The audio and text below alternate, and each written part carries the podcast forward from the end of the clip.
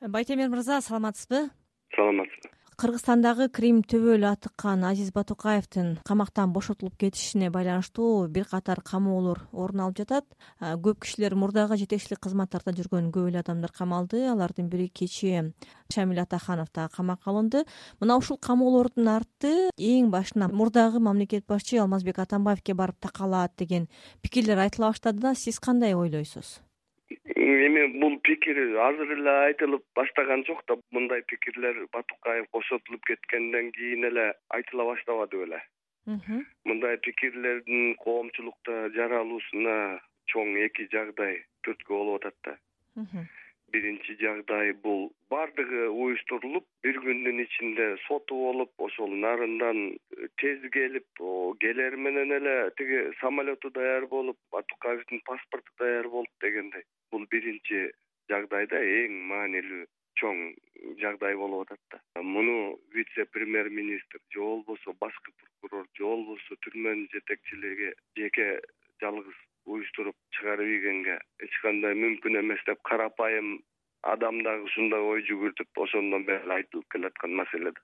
ошондуктан бул айтылып аткан азыркыдай ой жүгүртүүлөр мындан дагы күч алат албетте. Мисалы муну менен эмнени айтайын дейсиз дагы камоолор болушу мүмкүнбү албетте албетте мүмкүн. Себеби мен дагы массалык маалымат каражаттарын окуп атам. Ошол батукаев түрмөдөн чыгып кеткенден кийин баягы парламентте комиссия түзүлүп ошол комиссия иштебеди беле. Ошол комиссиянын жыйынтыгы менен жыйырма сегиз жооптуу кызматкерлер жоопко тартылсын деген корутунду кабыл алышкан азыркы иштин тергелишинде беш алты адам жоопко тартылып атат да азырынча. Анан мен ойлойм мындан дагы көп болуп кетиши мүмкүн да. Себеби айтып атпаймынбы жанагы өтө уюшкандыкта өтө ылдам ыкчам жана одоно мыйзам бузуулар менен чыгып атпайбы? Түрмөдөгү жаткан адам. Байтемир мырза жети жыл болуптур чыгып кеткенине. Кайрадан ушул азыркы учурда козголуп атышы жебени кайра эле ошо экс президентке алып бараткан жокпу эми жана мен биринчи жагдайды айтпадымбы экинчи жагдайы ошол алмазбек атамбаев президент болуп турганда жанагындай парламенттин комиссиясы жанагындай жыйынтык чыгарганда дагы тилекке каршы укуктук баа берилбей койду да бул маселеге. Чек коюлган жок да. Ошол убакта эле коомдо эл арасында ушундай пикир жаралып калбадыбы? Ушунун баарын көрүп турат ошол убактагы президент э, эмне үчүн бул маселени ал киши көтөрүп чекит коюп тиешелүү адамдарды жоопко тарткан жок деген маселе дагы жанагындай ойду жаратып атпайбы? А демек ал киши мыйзам чегинде эч кимге чара көрбөсө демек өзү башында турган болсо керек деген божомолдорду жаратып атпайбы? Ал ал кыймыл аракет дагы.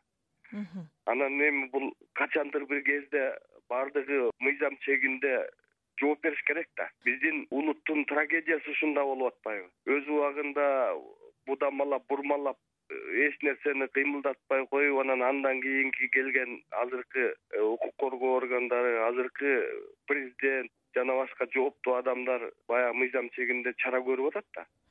Бул азыркы президент менен мурдагы президенттин тирешүүсү күч алып турган мезгилде экс президенттен өч алуу аракети эмеспи мен ойлойм эч кандай бул жерде өч алуу аракети болушу да мүмкүн эмес. Өз убагында алмазбек шарсенович ушул маселенин баарын мыйзам чегинде чекит коюп койгондо бул маселе баягы чубактын кунундай болуп созулуп бул убакытка жетпейт эле да. Бул жерде биз бир нерсени дагы такыр эсибизге албай атабыз да. Ошол кылмышкер жогорку кеңештин депутатын бакыйган бир комитеттин жетекчиси тынычбек акматбаевди уюштуруп өлтүргөндүгү боюнча соттолду да. Ооба биз маселенин бул тарабын эмне үчүн ойлонбошубуз керек? Биз биз бул тарапты да ойлонушубуз керек. Байтемир мырза негизи эле мына ушул иштин артынан э, камалып аткандардын саны онго чукулдап калды. Мына ушунча кишини камагандан көрө бийлик азиз батукаевди экстрадициялоого аракет кылбайт деген дагы сунуштар ойлор айтылып атат да.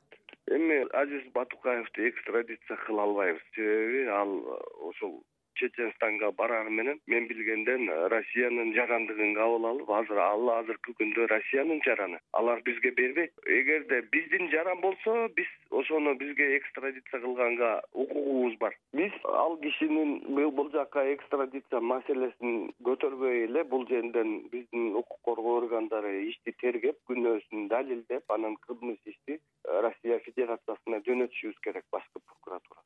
Жана биз тергедик күнөөсүн далилдедик эми силер өзүңөрдүн сотуңар менен муну байтемир мырза сиз ишенесизби? Мына ушул батукаев боюнча козголгон кылмыш иши аягына чыгабы мына ушул камоолор канчалык деңгээлде жемишин берет деп ойлойсуз камабай койсо деле нааразы болуп камаса деле нааразы боло бергенибиз бул туура эмес. Адам өзү негизи жараткандан үмүт менен илгери үмүт менен жашайбыз да.